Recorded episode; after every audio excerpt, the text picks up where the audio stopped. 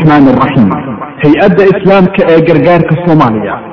Waxay idiin soo gudbinaysaa qorigii da'ye qaadku waa qudgooyn aayar ah.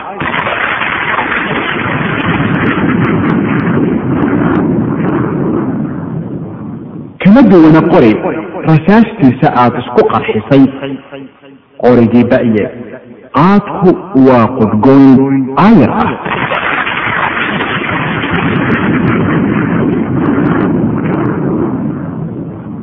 qaad baa la yidhi oo waa wax ku qaada. Qorigii da'ye qaadku waa qudgooyn aayar ah.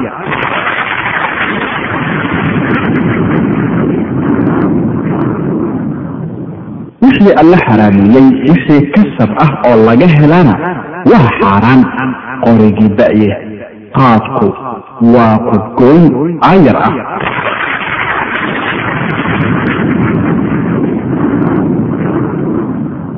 laakiinse waayahan dambe iyo kadib markii lagu horumaray cilmiga dhakhtarnimada oo dhakhaatiirtu isku raaceen waxa laga qaado qaadka oo cudurro ah waxaa caddaatay in wax shaki ah iyo madmadow uusan ku jirin xaaraantinimadiisa qorigii da'ye qaadku waa qudgooyn aayar ah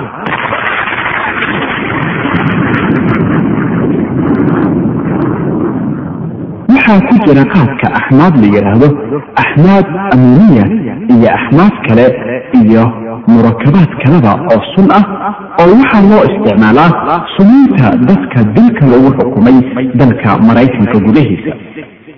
Qorigii ba'ye qaadku waa qudgooyn aayar ah.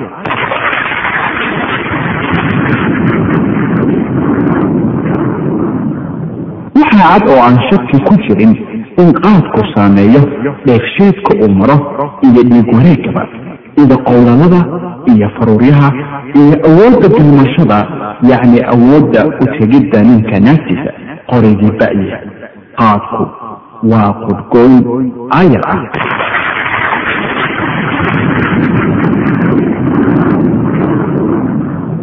Dhammaan ammaanaha iyo mahadaha halahaa wa allah ee noo xalaaleeyey waxyaalaha wanaagsan nagana xaaranshay waxyaalaha oo nabad iyo naxariis alle korkiisa ha ahaato suubane nebigeennii sala allahu calayhi wasalam ee loogu soo diray naxariis ahaanta ummanka.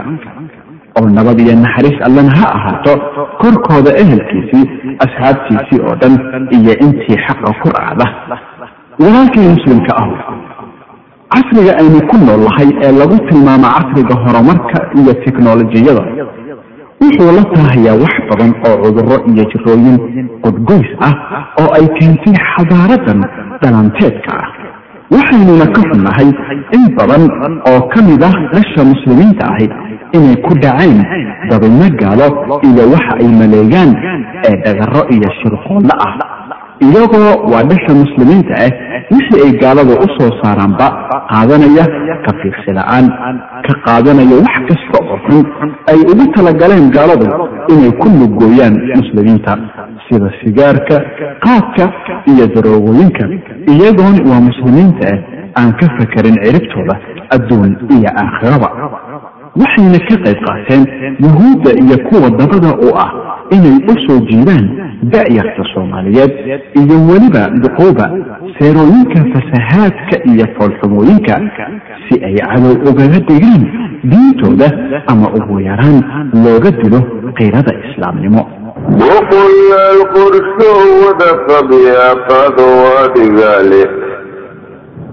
Qoryaataan sabuudkanayadeeqado adigaale واسمية قيد حروف قاد وادغال قلب خوفا قرعا واحتر قاد وادغال وارسرين يكادد قلقل قاد وادغال فتطاوا دمر ولا قريبا قاد وادغال مر کو کا نظر کو پہرن کا دو آگے جالے نادن کو بتاؤ سن لگا بن کا دو آگے جالے نادن کو بتاؤ سن لگا بن کا دو آگے جالے غلطی سگن سگر لوگوں کا نہیں کا دو آگے جالے ردا کرو سوچے کا مکا دو جالے iyo ahalaan la tabin qaado adigaale qayloo xun reerkiina qadi qaado adigaale kayrkaa shaxaad hanaa qajilin qaado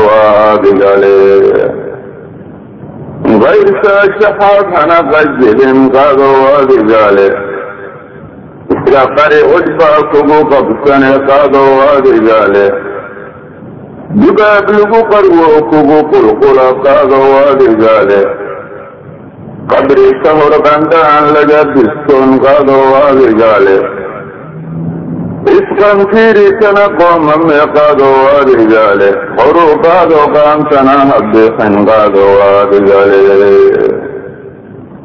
horu qaado qaantana habixin qaado adigale qise iyo qur'aan lagu kaftamo qaado adigale qasad dhaar aqowl aan la fulin qaado adigale gosol iyo qamuunyo isku xiga qaado adigaale cimri kuu qoraa qaybta lumi qaado adigaale qandiga fuqurka iyo quusrageeda qaado adigaale qandiga fuqurka iyo quusrageeda qaado adigaale dad qamaama qayliyo dagaal qaado adigaale shaluu maantana qafaal qado adigaale qaalkii olol marqaba oo qaniin qado adigaale abyaaladiyo iimaan la'aan qado adigaale dhalin yaro afkooduunu goran qado adigaale waxnu weyni qaato qawado qado adigaale taga qaada qori caarakii qado adigaale salaadaha dib qabo ama qalle qaado adigaale afka shuushahoon cadaygu qaban qaado adigaale afka shuushahoon cadaygu qaban qaado adigaale qanaas qayb daroogada kamida qaado adigaale gafladaan dareenkeed la qabin qaado adigaale qaamuuskacay waxa ku qoran qaado adigaale faqiir qanjismoodo qayila qaado adigaale raggo quusta dumarkoo qawada qaado adigaale raggo quusta dumarkoo qawada qaado adigaale raggo quusta dumarkoo qawada qaado adigaale afka lala bushima qolof dhacsada qaado adigaale afka lala bushima qolof dhacsada qaado adigaale khamiis walad qubays laga waxsado qaado adigaale khamiis walad qubays laga waxsado qaado adigaale inda qoriya iyo dhidid qurmoon qaado adigaale ways laga bixiyo qaaqlanima qaado adigaale waqutul awliya kidbiya qaado adigaale adicu salaadnimo qasada qaado adigaale intuu qadas qofuun ku hadli karo qaado adigaale sodontaa qisoo wada qudxiya qaado adigaale walaalkay gacalka ahow diinta islaamka waa diin ka ebyan oo ka taam ah dhinac kasta waxayna dadka amartaa wixii khayr u ah adduun iyo aakhiraba. Waxay bannaysaa wixii wanaagsan. Xalaal dheef leh ah waxayna xarintaa wixii kastoo xun oo dhibaato iyo waxyeello u leh nafta caafimaadka maalka iyo wax la mid ah. Alla weyne jalla wacalaa wuxuu yidhi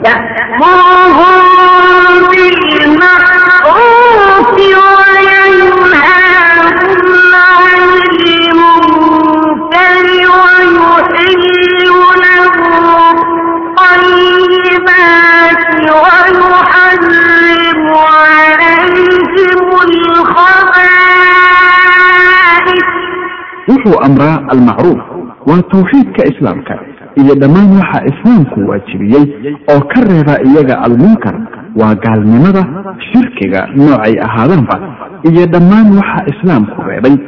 Wuxuu u ogolaadaa adtayibaat dhammaan wixii wanaagsan iyo xalaasha oo ku saabsan sheeyaal camallo qabitaano shaksiyo raashin cabitaano iyo wax la mid ah oo ka reeba iyaga xaaraan ahaan alkhabaa'is dhammaan wixii wax xun ah iyo xaaraamta oo ku saabsan walxo sheeyo camallo qabitaano shaksiyo cunooyin cabitaano iyo wax la mid ah haddaba cuntada iyo cabitaanadu waa labo aan wax sadexeeya lahayn kuwo wanaagsan iyo kuwo xun. Haddaba qaadku ma kuwa wanaagsan buu soo gelayaa mise kuwa xun? Kalay walaalkii wanaagsanow aan dhegaysanna ee hadallada culimada iyo dhakhaatiirta dabeetana aan xukunno gabagabada. Walaalkay gacalka ahu qaadku waa geed ka mida geedaha khatarta ah wuxuuna ka kooban yahay canaasir dhowr ah ee ma garanaysaa waxa uu ka kooban yahay. Walaalkii wanaagsanow qaadku wuxuu ka mid yahay geedaha goor waliba cagaarka ah sida geedka la yidhaahdo geed jinniga wuxuu gaaraa qaadka dherarkiisu laba ilaa lix mitir wuxuuna kor u gaaraa ilaa shan iyo labaatan mitir. Waxaa geedka ka farcama caleemo cagaaran ah bilow ahaanta midab leh bilowga midab takti ah oo dherarkiisu gaaro sagaal sentimitir wuxuuna xaqiijiyey cilmi saynisku markii shaybaar lagu baaray geedka qaadka in sifihiisa u dhexeeyo xashiishada kookayinka iyo afyoonka iyo inuu halis weyn ku yahay nolosha qofka sida xashiishada iyo daroogooyinka kaleba. Wuxuu ka kooban yahay qaadku murakabaad qalawi ah iyo axmaad amiiniya geed kasta oo lehna canaasir kiimika ah waxaa dhacda inuu yeesho falgal reeba raad sun ah. Qaadkana waxaa ku jira maadooyin kiimiko oo sun ah waxaana ka mid a axmaad loo yaqaan axmaad amiiniya iyo axmaad kaleba oo wada sun ah. Wuxuu qaadku saameeyaa dheefshiidka uu maro dhiig wareega dhadanka iyo carabka caloosha uu ku dhibcay qanjirada jirka xidadada iyo dareemayaasha awoodda galmashada yacni utegidda ninka xaaskiisa. Waxaad si caadi ahaan ku garataa afar xaaladood oo qaadka erey bixin loogu yeelay ahna afar cudur oo heer maalmeed caafimaad darro qaadcunuhu ku caadaysto erey bixinta afartaas xaaladood waa labo dhadig ah iyo labo lab ah loona kala yaqaan xaraarad murqaan shallay ama qoomamo iyo qaadiro waxay kala yihiin kan koowaad iyadu waa heblaayo xaraarad waa baahida rabitaan aan run ahayn ee doonista qaadku ku hayso. Waa dareen ah inuu cudur uu isagu qaadku ku geliyey kaa saarayo caajis xubnaha jirka oo wada burbursan hamaansi badan iyo kabuub yaryar baa dareentaa xaraaro oo caafimaad darro qaad keenay ahi. Ceebo badan bay ku baddaa oo dib lagu xusi doono. Si kasta ha ku soo hele abuu xaraare qorigiiba buu meel la fadhiistaa. Xaaladda labaad oo hebel murqaan ah xiriir caafimaad darraa bilaabma halka. Cayaayinka iyo jeermiska aan indhaha qura lagu arki karin ee qaadku xambaarsan yahay wuxuu qaadcunaha u keenaa cudurro kala duwan.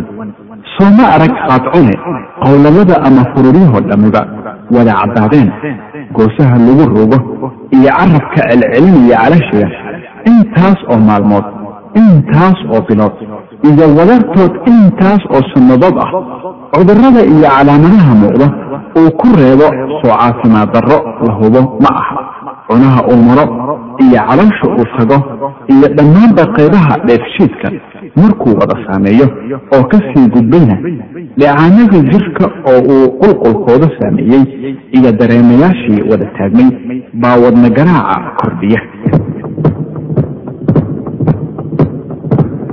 Xawliga dhiig socodka la sara kaca oo maskaxda dhiig badani ku shubma marar badanna qof tiisi gashay ama sabab looga dhigay dhiig maskaxda ku furmay ama meel kaloo halisa oo sidaa ku dhintay badana. Hebel murqaan aafooyin badan buu nafta qaadcunaha badaa. Nin baa markii ugu horreysay qaadcunowga murqaanka loo sheegay ku qeexay naf ciriiri la geliyey oo meelay ka baxdo weyday. Xaaladda saddexaad waa tan ka abuuranta qaadka marka la seexan waayo markaasaad cunistiisii qoomamaysaa oo marba wax kaa isu sawiraan. Hurdala-aantana caafimaad xumaa ka dhalata. Xaaladaasuna waa hebel shallay. Walwalkaa iyo walaahoogaasa dareemada iyo maskaxda caafimaad darro ku wada keena. Xaaladda afraad waa heblaaya qaadiro waana bugtada qofku subaxa dambe la soo tooso taas oo ka wada dhalata dhibaatooyinka ka soo biiray saddexda xaaladood ee hore. Marka jirka uu ka baxo qaadkii ama ka yaraado ayaa wixii uu xanuun jirka ilowsiinayey ama aanu dareemayn aafadeedu soo wada baxdaa oo qofku kici waayaa waxay dadka qaarkood xaaladan qaadirada ku macneeyaan inay ka soo jeedo labada eray ee qaadiro. Waxayna yidhaahdaan qaadira qaadira saarta. Waase tilmaan lugooye ah halkaasaa wareegii dib uga bilaabma oo heblaaye xaraaro abuu xaraaraha erida. Haddii qaad cunuhu maalintaa iska dhaafo oo qorigibba ah aanu cunin habeenkaa markuu jiifsado xaalad shanaad oo aan loo dhammayn baa dadka qaar ku dhacda. Waxaa lagu tasaariyo khiyaal ah mucjisooyin la yaab leh oo isaga markaa ku dhacaya waxyaabo qosol leh bay kala sheegtaan in qofba ay ku dhaceen. Markuu is yidhaahdo kac oo ka cara waxa haya buu dhaqaaqi waayaa. Waxaa wada kabuubyooda acsaabta ama xididada dareemada neeftaa ku dhigta waa taaha oo hadal ka soo bixi waaya iyo qaylo aan cidi maqlayn. Mar-uun buu keliso la boodaa dhawaq cod sare oo naxdin leh. Xaaladaas riyada cabsida leh waxaa lagu yaqaan baa layidhi maandooriyayaasha culus ilaah baan ka magan gallaya intaa iyo kuwo badan oo kale waa ka mid caafimaad darrada qaadku sababo. Waxaa astaamihiisa seexumo ka mid ah qufac googoosa oo sii kordha marba marka ka dambaysa.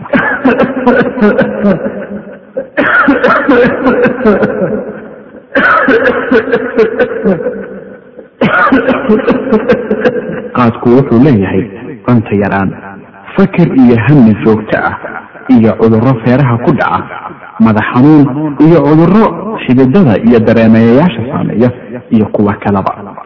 Walaalkay gacalka ahow kaama qarsoona waxa ay gaaladu nacayb iyo cadaawad u hayaan diinta islaamka iyo ehelkeeda. Iyo sida ay ugu dadaalaan inayan muslimiintu madaxa kor u soo qaadin una yeelan jiritaan dhaba iyagoo u adeegsanaya arrintaa hab kasta oo suuragal ah oo ay karaan inay ku tirtiraan jiritaanka muslimiinta. Qaadkuna waa mid ka mid a hababka iyo siyaalaha lagula dagaalamo muslimiinta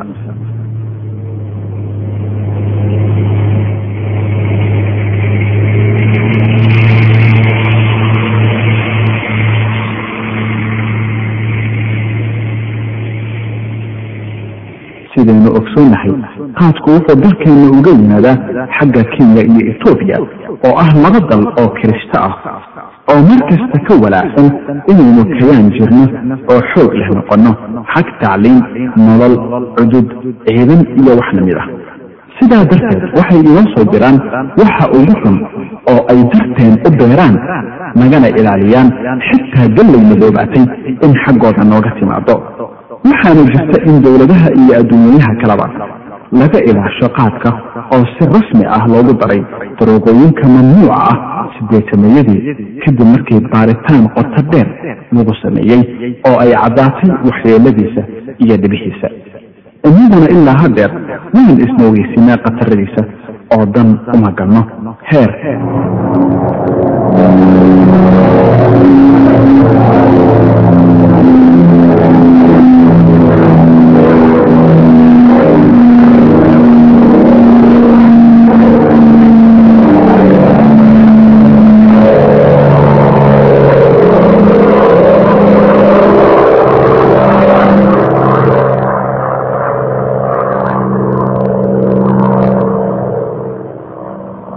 diyaaraduhu subax waliba ay dalkeena boqolaal tan oo qaada ku soo daadshaan si aada loogu sii diro shakhsiyadeenna soomaalinimo iyo islaamnimo. Walaalkay gacalka ahow kadib markii aada ogaatay cudurrada qaadka iyo jirooyinka uu keeno iyo waxyeelooyinkiisa iyo mawaadka sunta ah ee uu ka koobmo ee baabi'inaya qofka adduun iyo aakhiraba ogow sidoo kale in alla jalla wacalaa uu xaaraantinimeeyey wax kastoo dhib u leh qofka adduun iyo aakhiraba alla weyne subxaanahu wa tacaala wuxuu yidhi وأنفقوا في سبيل الله ولا تلقوا بأيديكم إلى التهلكة waxna ku bixiya jidka alle waa jihaadka noocuu ahaababa. Iyo wax lamida ah, hana ku tuurina naftiina tahmuko oo ha ku baleynina inaydan ku bixin maalkiina arrinka alle kana dhowra naftiina. Wax kasta oo dhib u keeni kara aakhirada iyo adduunka oo samafala runtii alla waa jecel yahay. Almuxsiniin samaan falayaasha. Aayaddani waxay muujinaysaa inay xaaraan tahay wax kasta oo qofka naftiisa dhib u keeni kara.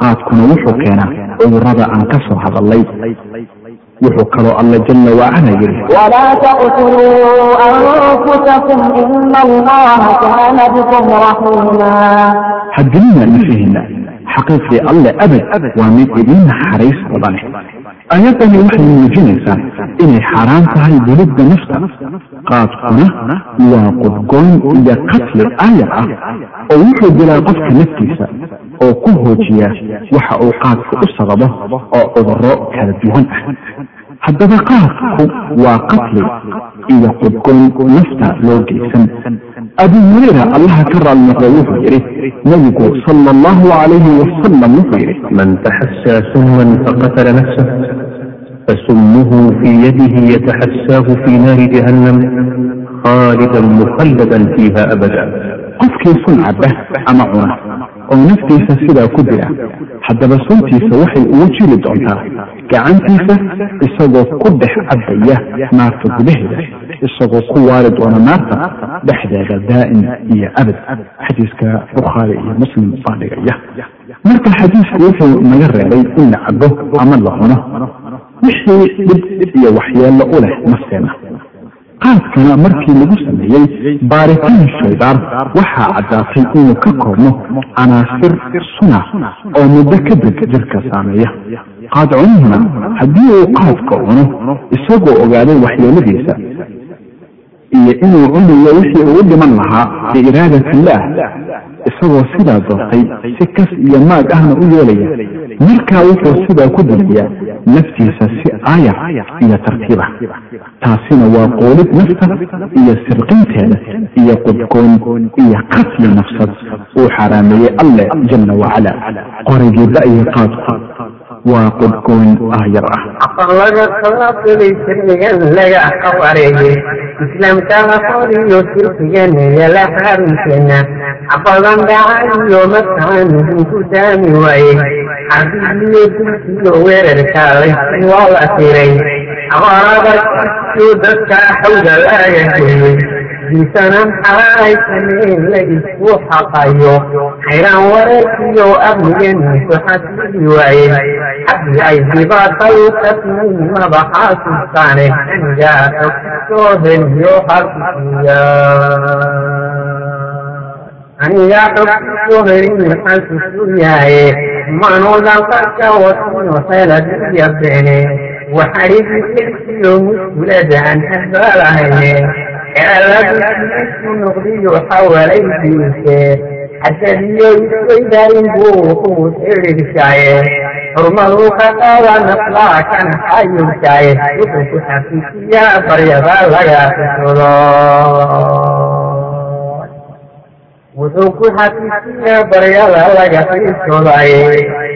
oo kama heliyo caafimaadaan siinanaye idinkadasiyo dhiiga wuu ku xabankeeyaye xamiyo hidalaana ayuu ku xambaraaye hadduu xeedku ka qarufooduna xararofo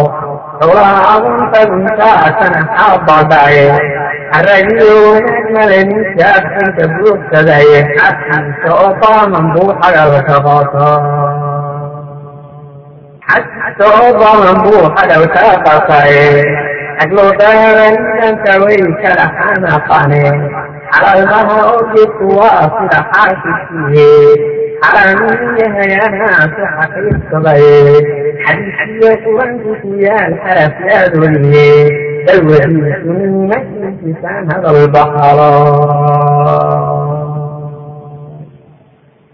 hadal baxalo waxaasimanikaariyo sigaarka qadaaw yaalay xabsiye kelmadin buu galuu isaga naafsiisiye makisiyo salaadiyo ninkama ximirkaaye xaran buu noqdayo shaqadaasu maxaadiraye lulaaqasibuu barkinuu kula xeeroodaye xabadaarka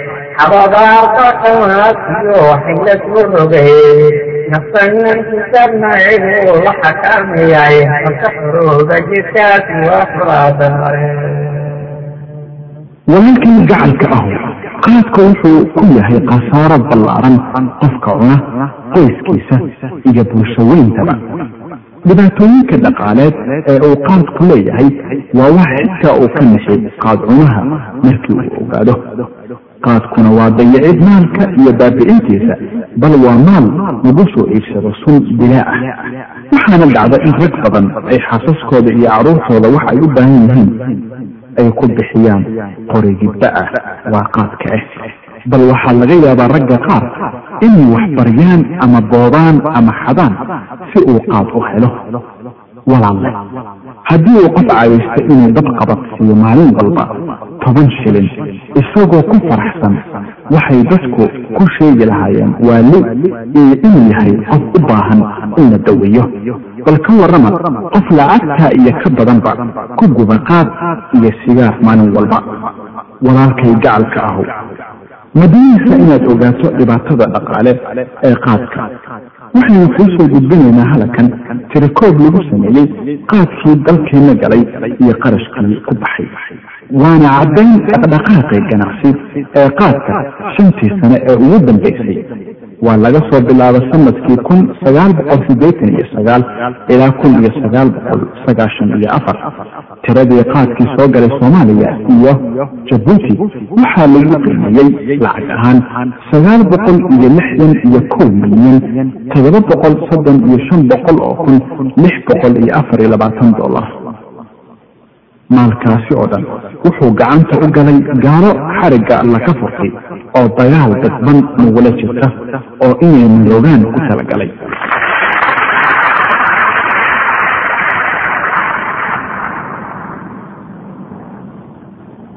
Waxaa halkaa kaaga muuqata ballaarida khasaarada qaadka nagu hayo iyo maalka uu naga lumiyo gaar ahaan inagoo joogna casri aan u baahan nahay maalka si aan u difaacno diinteenna una kaalmeyno fuqarada iyo masaakiinta iyo agoonta una dhisano masaajidyo malcamado dugsiyo macaahid jaamacado isbitaallo una gaarsiino biyaha iyo korontada iyo taleefanada iyo rugaha caafimaad tuulo kasta oo dalkeenna ka mid ah.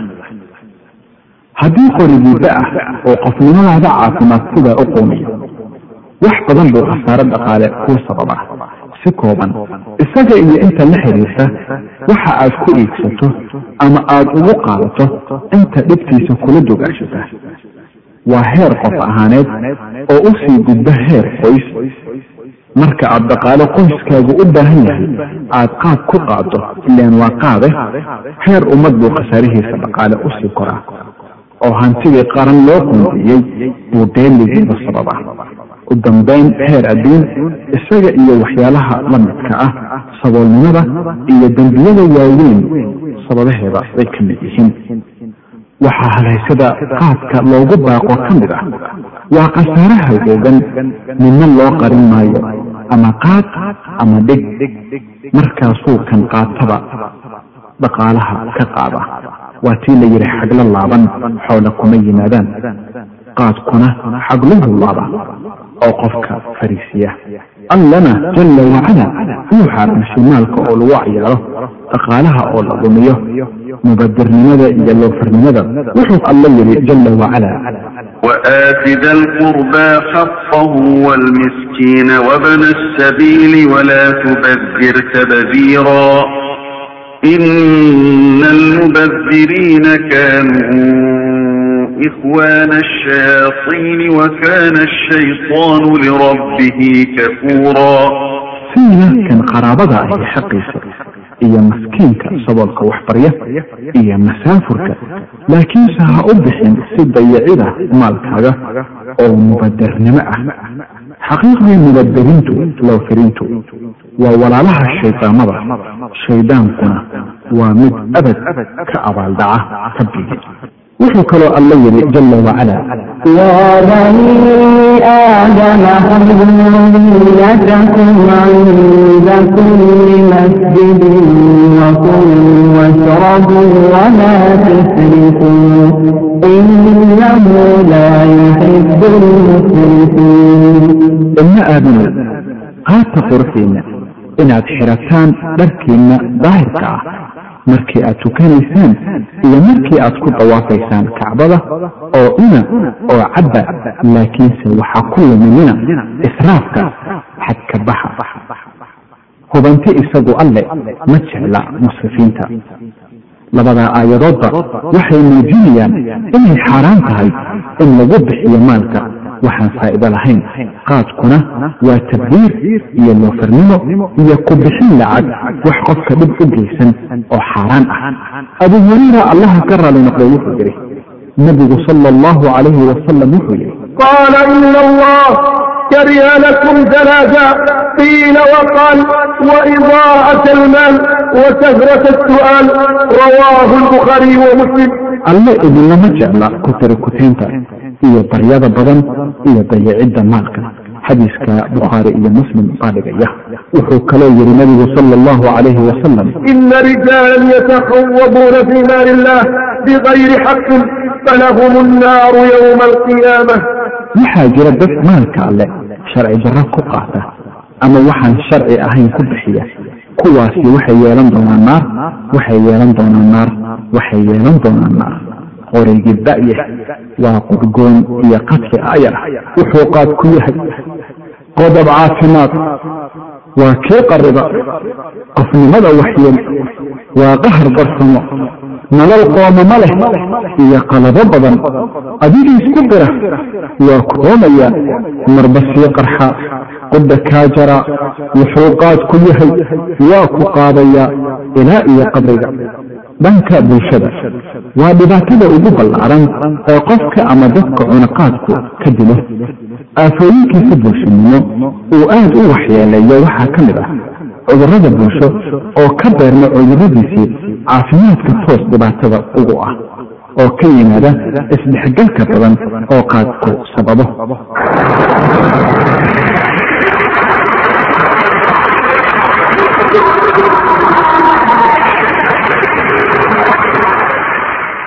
dhibihiisa dhaqaalaha ka soo jeeda oo sii aafeeya dhanka bulshanimo qof wax badan oo uu haystay ku iibsaday qaar uu bulshadiisa ku badbaadin lahaa baa bulshada ka takoormay oo dambiyo bulsho faqri u gala.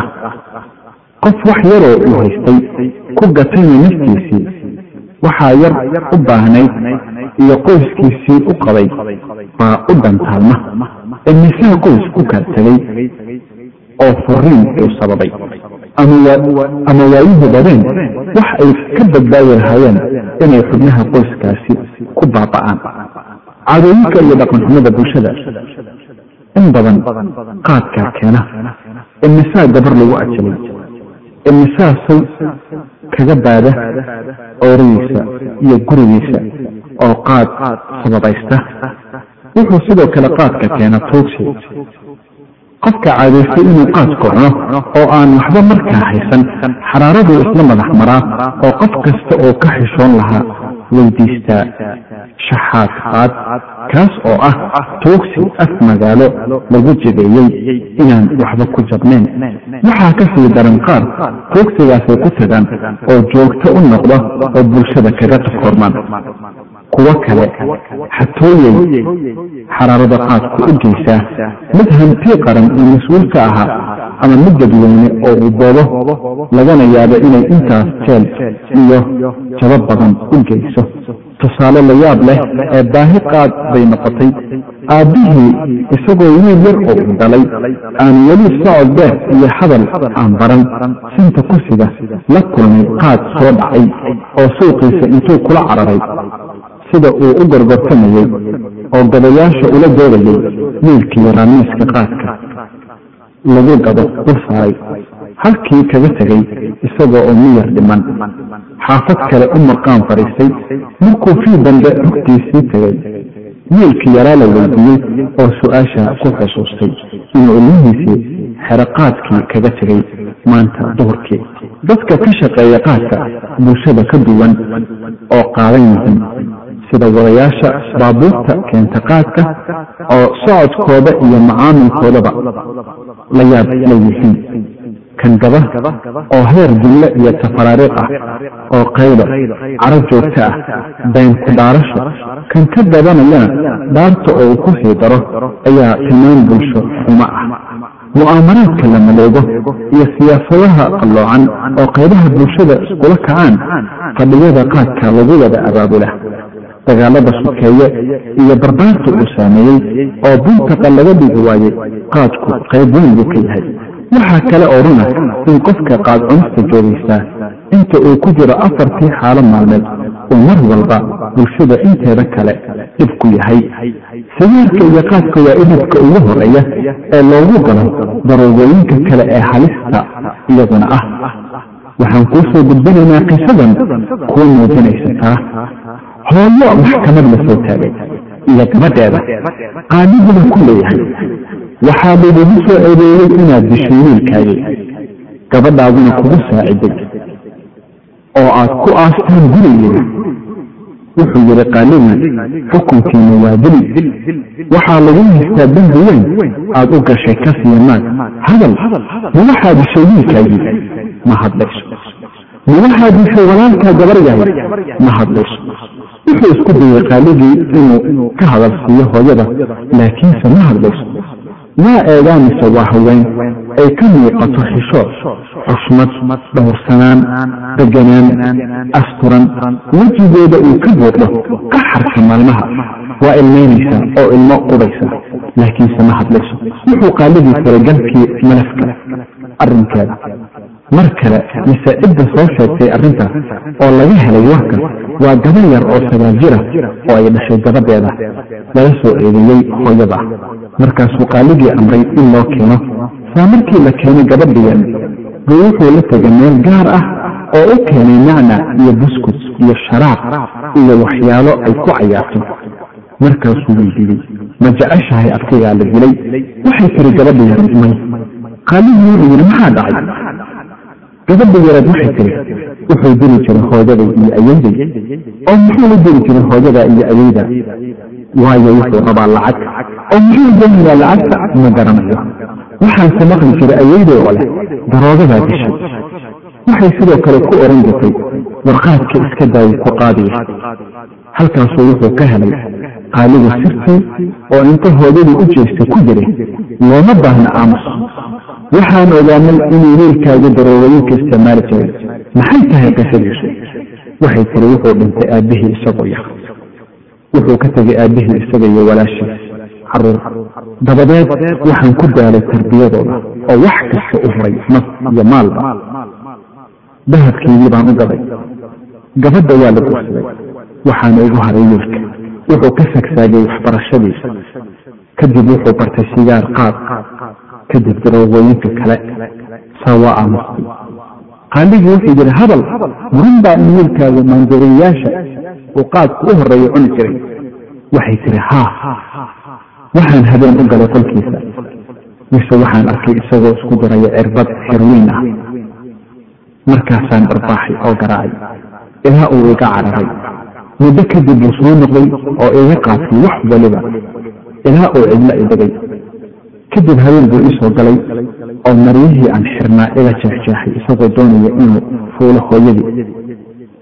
Waxay tiri ma kareen inaan iska celiyo saa haween baan ahay. Saa intaan ka baxsaday baan gurigii ka baxay habeen madow anigoo bar qaawan anoo u ordayo guriga gabadhayda. Albaabkii baan garaacay saa way yaabtay.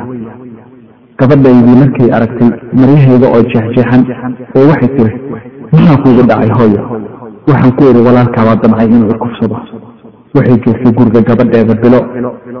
Waxayna xansan jidhay warka wiilkeeda bal inuu dhinto bal inuu gubto bal inuu isdilo si ay mar uga istareexdo. Bilo kadib hooyadii iyo gabadheedii iyo gabar yaray dhashay gabadheeda baa israacay si ay u soo eegto wiilkeeda waa qalbi hooye gurigii bay galeen mise waa guri shaydaan gumadyasiga ah. Caleemo qaad qurun dhalooyin maran oo kooka ah wasakh. Wuxuu iiriye badi alaabtii guriga til markaasna guriga ma uusan joogin.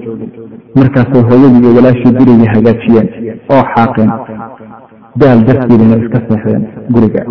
Habeenkii saq dhexe buu dugaagga yimi albaabka inta furay buu soo galay mise wuxuu arkay hooyadii iyo walaashii iyo gabadhii ay dhashay walaashii uu abtiga u ahaa waxayna hooyadii ku soo baraarugtay iyo walaashiba isagoo rabo inuu fugo gabadhi yareed ee sagaal jirka ahay ee uu abtiga u ahaa.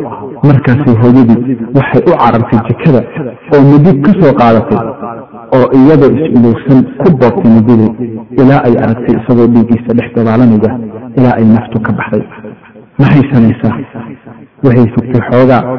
Kadib waxay ka baqday askarta iyo fadeexad markaasay guriga god uga qodeen oo ku aaseen. Maalmo kadib bay gabadhii u sheegtay carruurtii ay la cayaaraysay oo dadkii ogaadeen. Booliskii baa la gaarsiiyey oo yimid oo guriga intay qodeen ka soo saareen maydkii markaasay tiri waa aniga tan wax dishay lana dilay waa aniga dhaawacyada waana aniga torreyda waa aniga tii ka aamustay. Maalintii ugu horreysay uu afkiisa geliyay qorigidda ah duco waa durow idin dhibtu kaaga bayda. Dhakso lagu tanaabaa basha lala jeclaabaa ha yeeshee dhismaha guud. Dhayalkuma barbaaraan. Saanqaadku waa dhaxay dhaba waalidkaa noqon. Adduun waa dharaarta waxaad kaga dhacdiigaa dhimashadaada ka horow inay noloshu dhanac tahay. Kii maaliyo kana dhuubtay gaajada? Daynagay hirdanayaan dhalbaalkaanse kuu sido. Inkastoo ballaan tahay. Ballandoolka waayaha. Qofba waa dhankiisee dhibka qaadku leeyahay. Bulsho dhallan raggeediyo dhaqankii islaamkiyo burburkii dhaqaalaha dhiilo caafimaadiyo inuu qaad xumaan dhalo qoyska kuu dhisanbu dhaqso kaaga dumiye ah dhimarkaad ku beeshaa jirkaagii dhilaayo waa dhaawac ku yaal ha ku diiran qaadkood hadhadhamin fu-aadow weligaa ka dheerow walaalkay gacalka ahow kadib markii aad ogaatay waxyeelooyinka qaadka xag caafimaad dhaqaale iyo xag bulshada oo aad ogaatay inuusan wax wanaag ah lahayn asalba waxaa isweydiin leh xukunka iyo waxa ay diinta islaamku ka qabto qaadka. Walaalayaal qaadka markii ugu horreeyey uu soo baxay waa la isku khilaafay xaalkiisa waayo ma caddayn waxa uu yahay sidaa darteed baa laisugu khilaafay arrinkiisa oo dadku waxay noqdeen mid bananaya iyo mid leh waa makruuh iyo mid leh waa xaaraan laakiinse waayahan dambe iyo kadib horumarka cilmiga dhakhtarnimada iyo kadib markii ay dhakhaatiirtu isku raaceen waxyeeladiisa waxaa caddaatay oo aan shaki ku jirin in muuqaadku xaaraan yahay maadaama sharciga diidayo wax kasta oo qofka dhibaato u geysan kara caafimaadkiisa maalkiisa naftiisa iyo waxnimada. Waxaana u daliil ah in muuqaadku xaaraan yahay qowlka alle ee ku soo arooray suuradda annisaa aayadda sagaal iyo labaatanaad. Walaa taqtuluu anfusakum إن الله كان بكم رحيما ومعنى هوية حدينا نفهينا حقيقة الله أبد ومن إذن حرس فضنه إذنك قاد كان وحا عباقي إن قفك بله تبدأ نصبنا وحرام صدق عد آياتي أي نصوح صني هدي أن نكسر قادنا إن وحي ليس دارين حير تبدأ نصبنا waxaan shaki ku jirin inuu dhibaato qofka u leeyahay. Nabiguna sala allahu calayhi wasalam wuxuu yidhi laa darara walaa diraar macnaha xadiiskaas waxa weeye naftaada iyo naf kaleba dhibaato ka dhow. Waxaa sidoo kale daliil u ah xaaraantinimada qaadka.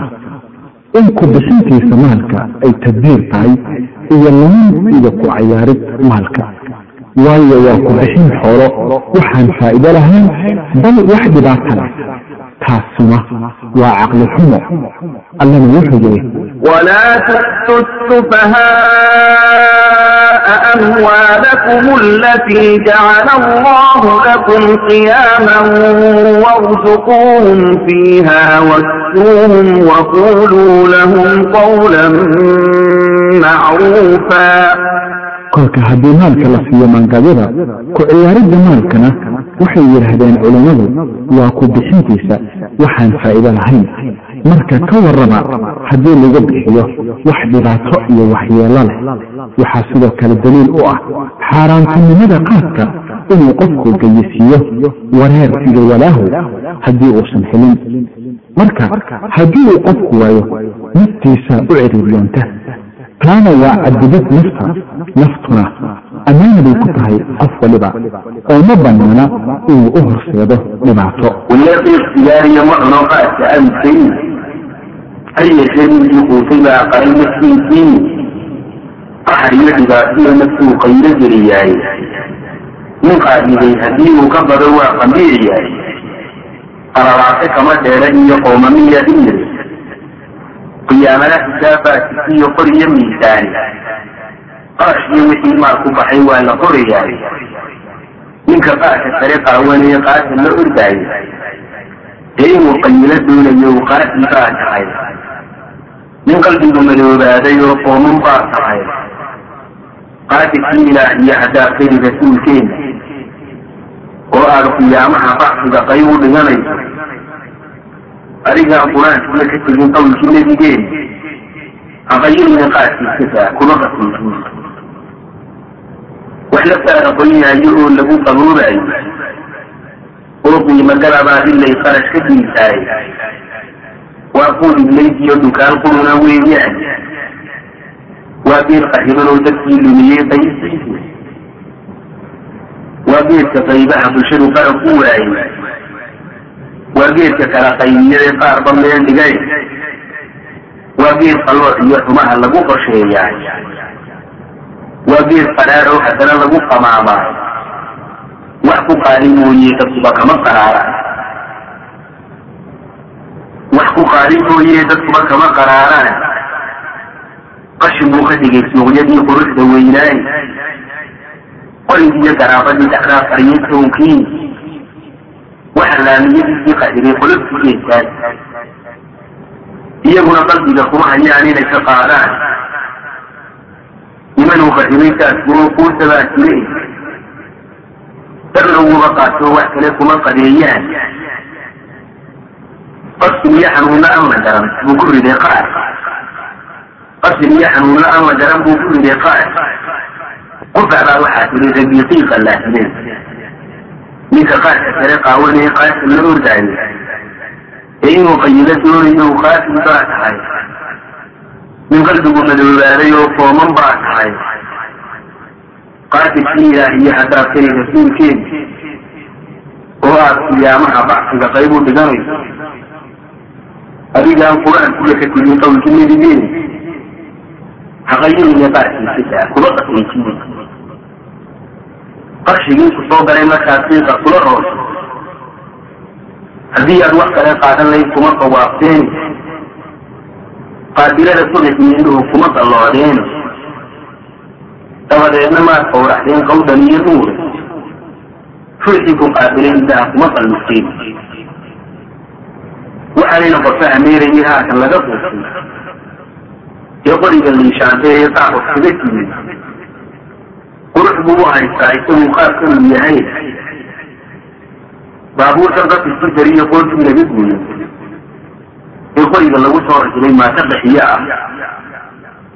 Ee qoriga lagu soo rajiray maata daxiyo ah. Qoshoodu waa inay armada qaylo geliyaay. Qasdigiiyo ujeedaduna waa qaad bixinayaay. Qalbigaa waxyeeloobay oo waa qayiran haddii qaad la waayana iyagu qurun ma daayaan mid kaloo quraarada ku jira way qurquriyaan. Mid kaloo quraarada ku jira way qurquriyaan. Quranuhu ma haddaan gabayga soo qayso nin qayilay ninka u qaaday iyo kii qaxwaha siiyey iyo kuwa suyeetaha qasiran qoorta kaga keena. Afar tabaqa daara ku dhacay waanay qiranaysa walaalkay gacalka ahow ma waxaad u rabtaa adillo intaa ka badan inuu qaadku xaaraan yahay? Uuna khatar ku yahay caafimaadkaada walaalkay gacalka ahow ka go-idaada cunista qaadka iyo isticmaalkiisa. Waa ka adkaansho aad ka adkaatay shaydaan iyo caado xun oo xaaraan ah. Qofka caaqilka ahina waa kan ka dhowra naftiisa wixii dhib u keeni kara adduun iyo aakhiraba. Walaallo nolosha aad bay u gaaban tahay.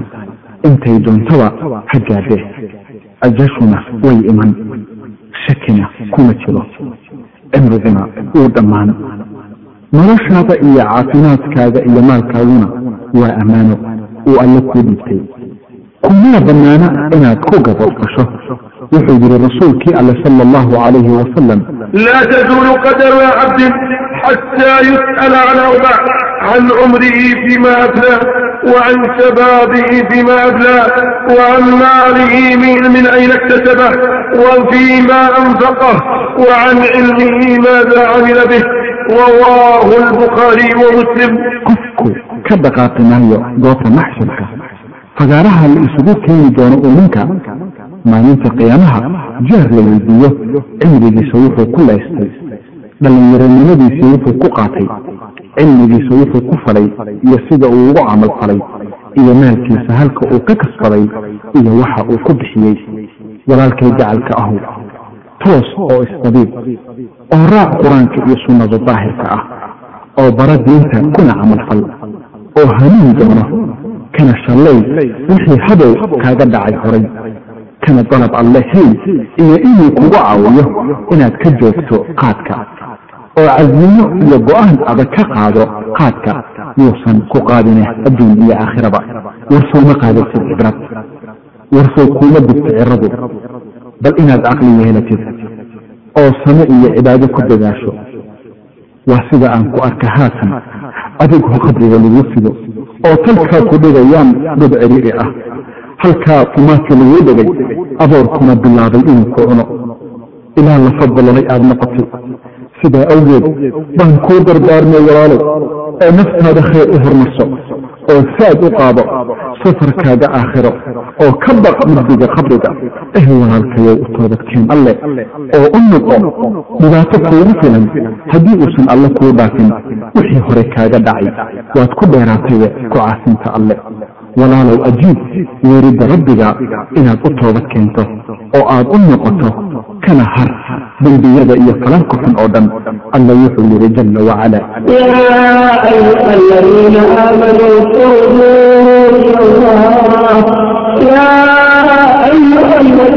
آمنوا توبوا إلى الله عسى ربكم أن يكفر عنكم سيئاتكم عسى ربكم أن يكفر عنكم سيئاتكم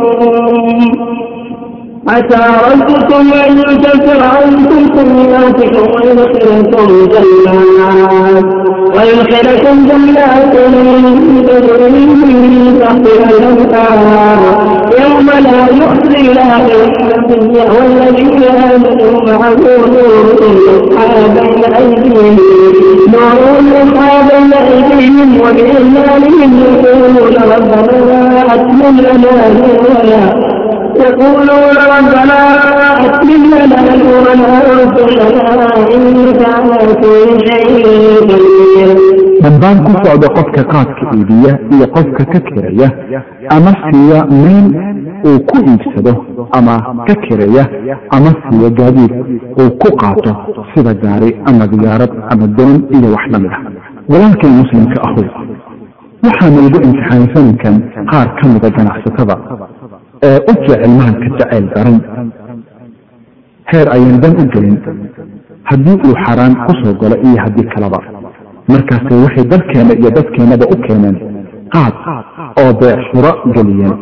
Laakiinse waxaa laga yaabaa in qaarkood ay jaahil ka yihiin xukunkiisa iyo waxay diinta islaamku ka qabta iibintiisa.